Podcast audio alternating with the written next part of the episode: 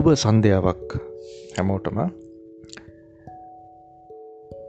ලංකාවේ අපි චනල්ලයේ තවත් එපිසෝඩ් එකක් මේ විදිහට මංවලට ප්‍රසන්ට් කරනවා.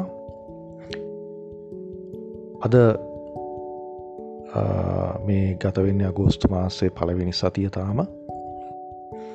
ඉතිං අසුභාරංචියෙක්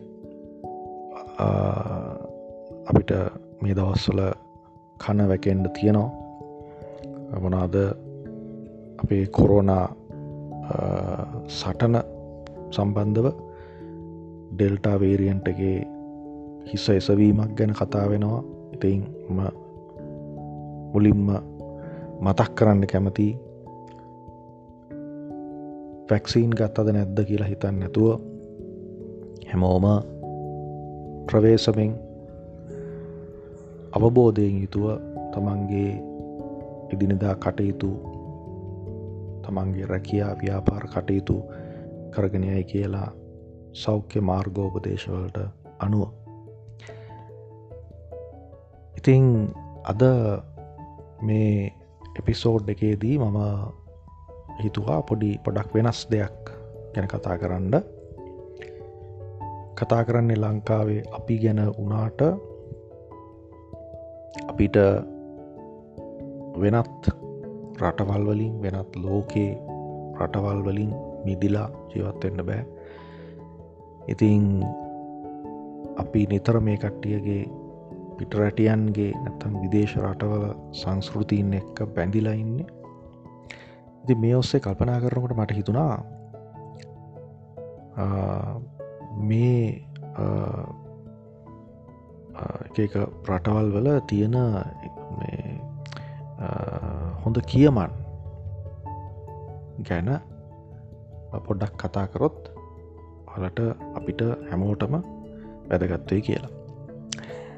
ඉති මෙහෙම හොයනකොට තමයි මං දැක්කේ මේ චීන රාජ්‍ය අතරමන චීන රජයේ චීන දේශය කියන එක දැන් අපිට ගොඩක් සමීප දෙයක් වෙලා තියෙනවා අපි කැමැත්තෙන් හෝ අකමැත්තෙන් වගේම චීනය කියන එක මේ කොරෝනා වසංගතය සම්බන්ධවත් බොහොම වැඩි වැඩියෙන් කතා වෙන රටක් ජාතියක් වෙලා තියෙනවා. කෙසේ නමුත් අපි ආර්ථිකමය වශයනුත් අපිට නොයකුත් උපකාර ණය වගේ ගොඩක් පැතිවලින් අපි සම්බන්ධයි චීනත් එක් අපේ පාරම්පරිකවත් අපේ ඉතිහාසයත් අපි චීනයත් එක ගොඩක් සම්බන්ධතා පවත්වනවා අපි ආගම සම්බන්ධ බැලුවත් අපි ප්‍රධානශයෙන් බෞද්ධ දර්ශනය අතින් බැලුවත් අපි චීනයට ගොඩක් සම්බන්ධතා පවත්වල තියෙනවා චීනයත් සමඟ ඉතිං මේකී නොකී විධාකාරවලින් ඉතිහාසය පුරා මේ දක්වා අපි චීනයත් සමඟ නොයකුත් සම්බන්ධතා රාජිතාන්ත්‍රික මට්ටපින් පවත්වල තියෙනවා.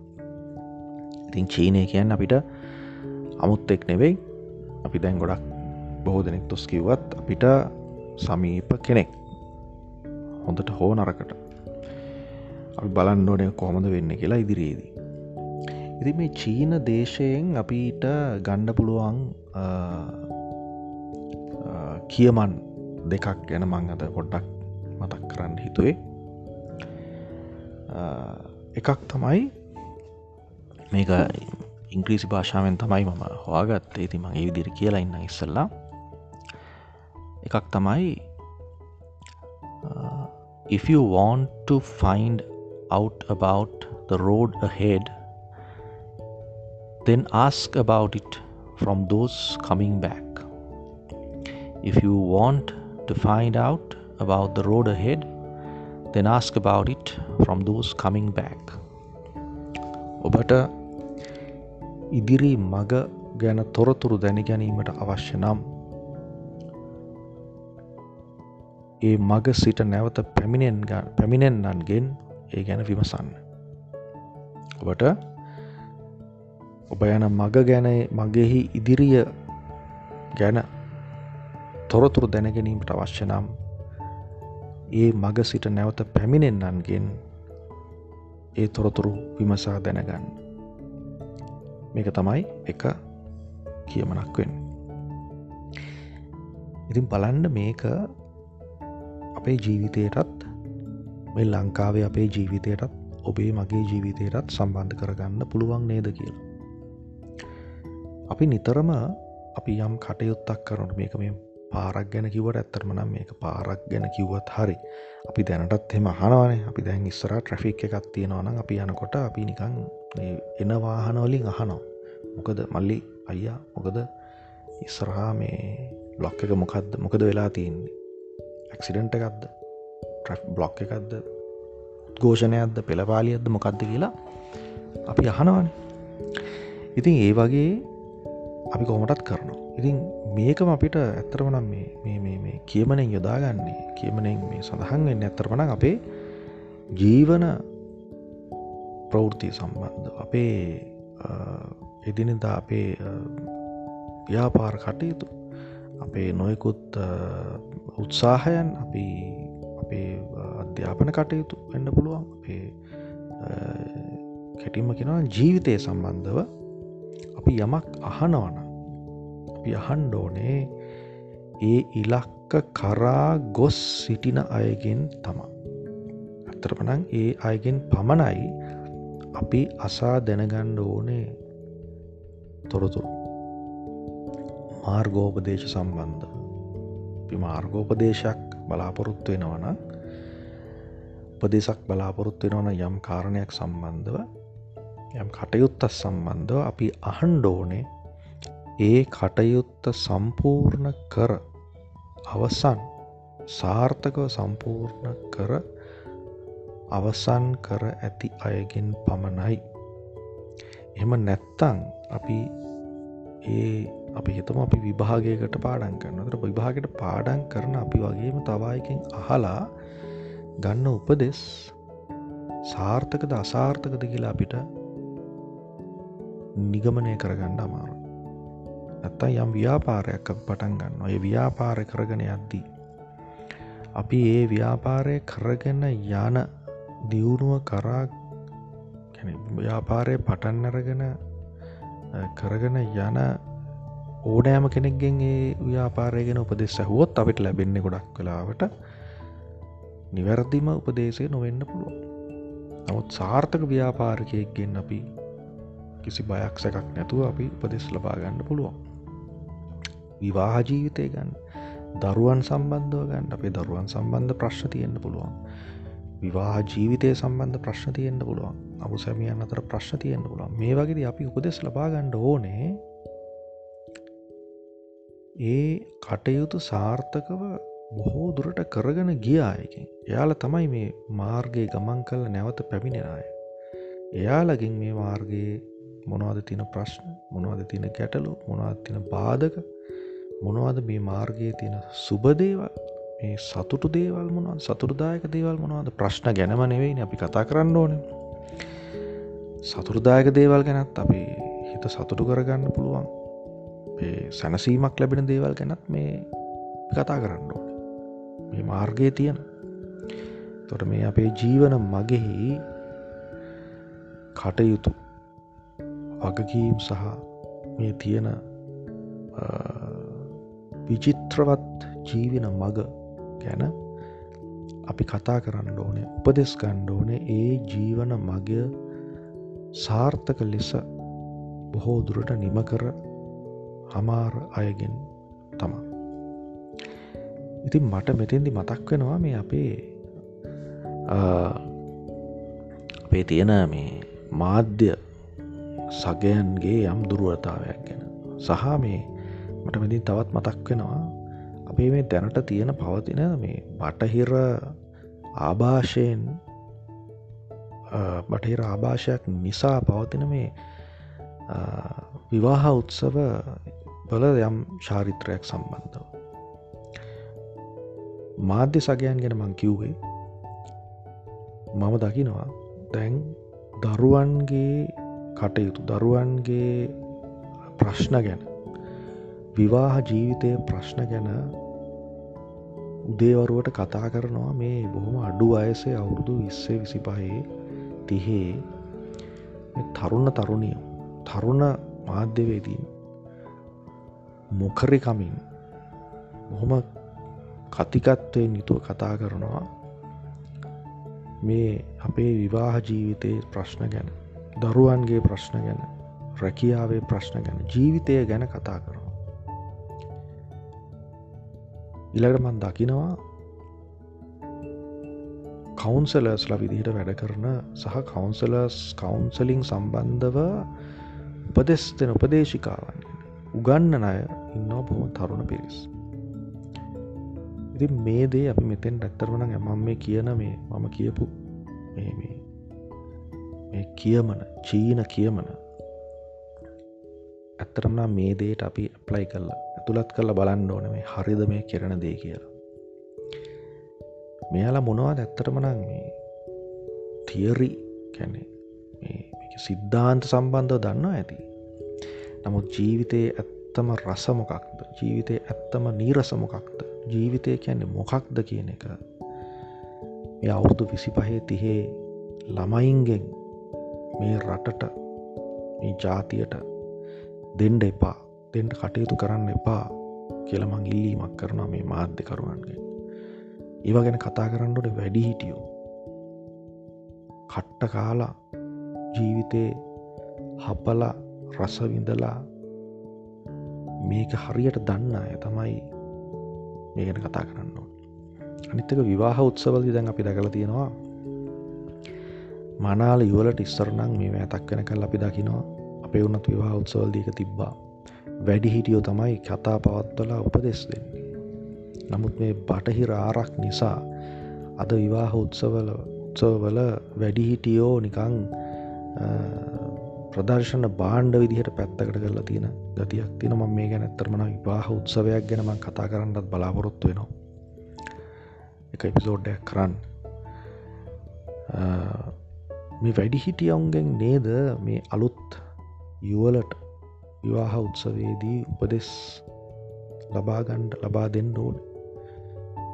මනාලියගේ හොඳම යාළුවවත් මනාලයගේ සහෝදරයවත් නෙවෙයි විවාහ උත්සවේදී කතා පවත්තන්ඩුවන වැඩිහිටියෝ ඇත්තට මේ දරුවන්ට මේ යුවලට ආදරය කරන වැඩිහිටියෝ තමයි කතා කරන්න ඕන තෙන්ට අද අපි දකිනවා මේ මහා දෙවනත් කන් දෙවනත් කරන සංගීතය සහ මේ පොඩියවුන්ගේ තරුණයන්ගේ තරුණයන්ගේ තියෙන මේ විනෝදා විනෝද විනෝධාත්මක රංගන දිරියේ වැඩිහිටියෝ නිශ්ශබ්ද වෙලා තියෙන වැඩිහිටියෝ නිකං එහට මෙහට ඇවිදිනවා පොඩ්ඩක් කතාබා කර කරන්නවා මිසක් වෙනදේ බලාගෙනන්නවා මිසක් මේ යුවලට උපදේශයක් දෙන්න ඉදිරිපත් වෙන්න නෑ ඉදිරිපත් වෙන්න අවස්ථාවක් නෑ ඒ උත්සවලති තින් මේකත් අපි මං ආදරයෙන් මතක් කරනවා අපේ ජාතියක් විදිහට අපේ විවාහා වෙන අලුත්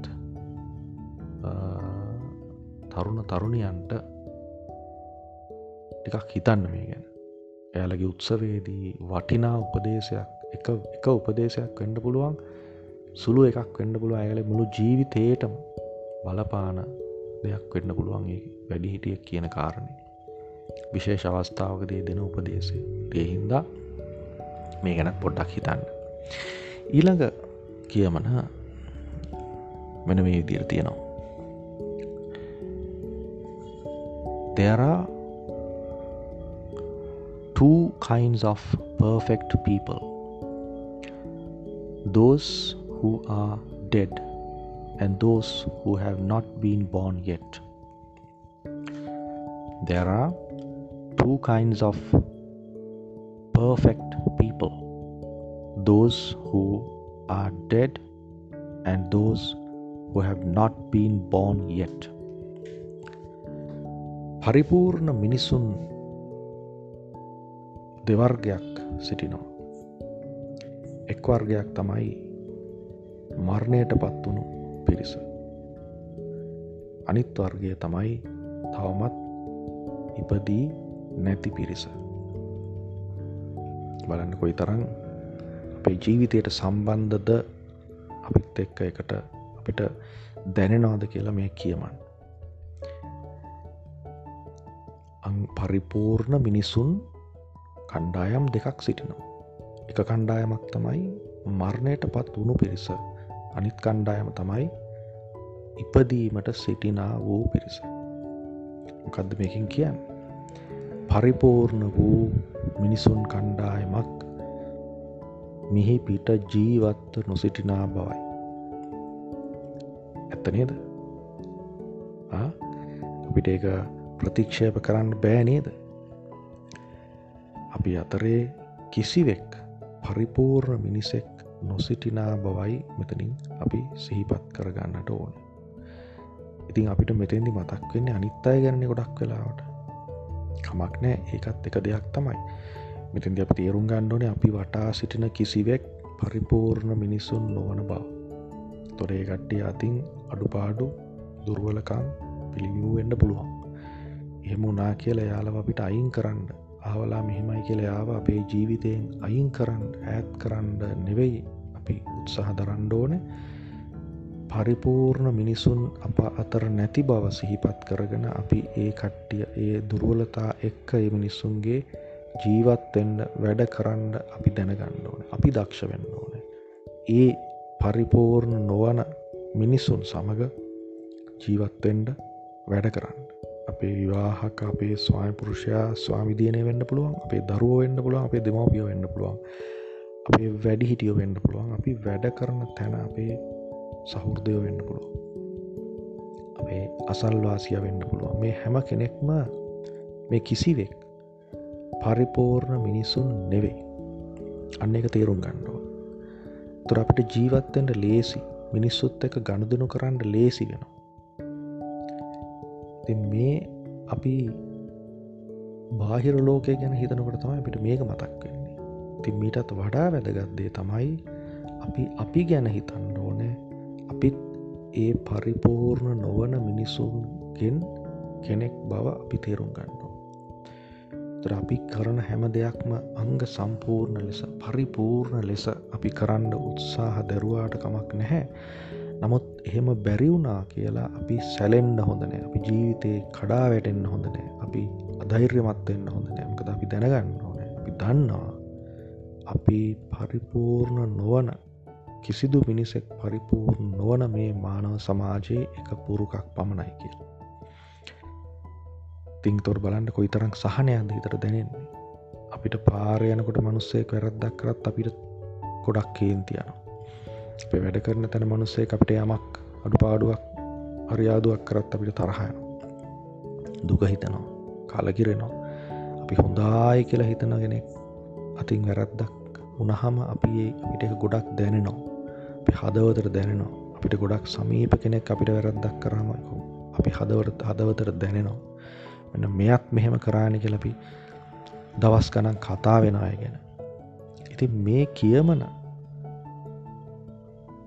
අපේ හිතට ගත්තොත් අපි තේරුම් ගත්තොත් අපිට එහෙම කරන්න මිට පස්සේ අවශ්‍ය වෙන්නේ නෑ මොකද කිසිදු පරිපූර්ණ කෙනෙක් අපි අතර දැනට ජීවත්ව නැති බව අපි තේරුම් ඇර්ගනින්න නිසා. ඕනෑම කෙනෙක් මීට පස්සේ වැරද්දක් අඩුපාඩුවක් අපි කෙනෙක්ගේම අඩුපාඩුවක් වැරද්දත් දකිනකොට අපට දැනෙනකොට ෂණිකව මේ කියමන මතක් කරගන්න. මේ කියමන ඇත්තරමන අපේ කොලේක ලියල අපේ මේසය මේසේ ළඟ තියාගත්තත් මංහිතන්න මේක පාඩුවක් වෙන්න නෑ. මොකක්ද කියමන there are two kinds of perfect people. Those who, have, who are dead and those who have not been born yet. අප අතර පරිපූර්ණ මිනිසුන් කණ්ඩායම් දෙකක් සිටි එකක් එක් කණ්ඩායමක් මරණයට පත්වී ඇති කණ්ඩායම වන අතර අනෙක් කණ්ඩායම තවමත් ඉපිද නැති කණ්ඩායමයි. තියෝක තමයි මමද මගේ එපිසෝඩ් එකට යොදාගත්ත කියමන් දෙක. ති මට හිතන මං වාලට තාරාධනා කරනවා අප අනිත් පොඩ්කාස් සහම YouTube චැනල්ස් කරන අපේ සහෘදයන්ට තාක්ෂණිකකන් කරුණු සම්බන්ධවනි ගොඩාක් මේ වගේ කතාවෙන ති එක කමක් නෑ නමුත් ඒ වගේම මේ මෙවැනි වටිනා කියමන් ලෝකයේ රටවල්ල තියෙන ලෝක නොයකුත් සමාජයන අතර තියෙන මේ වගේ කියමන් ගැනත් අපේ චැනල් අපේ චැනල්ස් වල අපේ පිසෝඩ් වල චුට්ටක් කතා කරන්න. මොකද මිනිස්සුන්ගේ තාක්ෂණික දැනුම ගැන අද ලොකු උනන්දුවක් තියෙනවා. වටිනවා.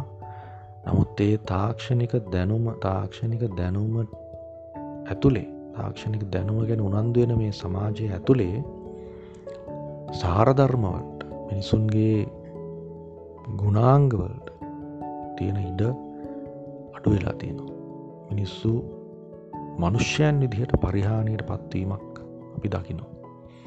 ද අපි හින්දා මේ චැනල්ස් කරන විදිහට මිනිස්සුන්ට අපි ආමාන්ත්‍රණය කරන විදිහට එක්තරා විදිහක මාධ්‍ය මෙහෙවරක් අපි කළ යුතු වෙනවා අපි කොයි වෘතියේ නියලෙනක් පිරිසක් වුණ ඇතරම් මේ YouTube චැනල්ස් පොඩ්කාස් කරන අපේ රටේ මේ සිංහල සමාජයේ මහිතන්න පූර්ණ කාලීනව ඒක කරන වෘතියක් විදිර කරන ඇති කියල වැඩි වශයෙන් බහුතරයක් ඉන්නේ. වෙනත් වෘතීන් කරන වෙනත් බොම දැනවගත්කම් වලින් පරිපූර්ණ පිරිස් ඉන්න මේ මිනිස්සුන්ට නිසුන්ට කතා කරන්න. තිං මම ආරාධනා කරනවා අයලටත් මේ ගැන මේ වගේ වටිනා කියමන් අක්තෝපදේශ ගැන ලෝකය වටේ තියනේවා අන්තර්ජාලයෙන් බලලා ඒවා තේරුම් අරගෙන අපේ මේ මිනිස්සුන්ට පොඩ්ඩක් මේ ගැන කියන්ට බොම් වටින් දෙයක් වෙයි එක ඉතිං යගේ මේක සවන් දෙන ඔයාලා හොමෝටමත් මං ස්තුතිවන්ත වෙනවා. මේ මගේ චැනල් එකට ටිකක් කොළුව දාලා මේ බලපුයක් ගැන. ඉතිං මංආරධනා කරන මගේ අනිත් එපිසෝඩ්සුත් අහන්ඩ අත්ත එක එකතුවෙන්ඩ මගේ YouTube චැනල් එක්කුත් තියෙනවා මේ මේවම මං අප්ලෝඩ් කරනවා. ඉතින් ඒවත් අහන්ඩ ෂයා කරන්න පුළුවන් තරන් මම මේ කියන දේවල් ගැන පොඩ්ඩක් විනාඩියක් කල්පනා කරන්න. එමනම් නැවතත් පිසෝඩ් එකින් හමුයමු එතෙක් ඔබ සැම සතුටෙන් සහ සෞඛ්‍ය සම්පන්නව සෞඛ්‍ය මාර්ගෝපදේශවලට අනුව තමන්ගේ කටයුතු කරගෙන යන්න කියලා මතක් කරනවා.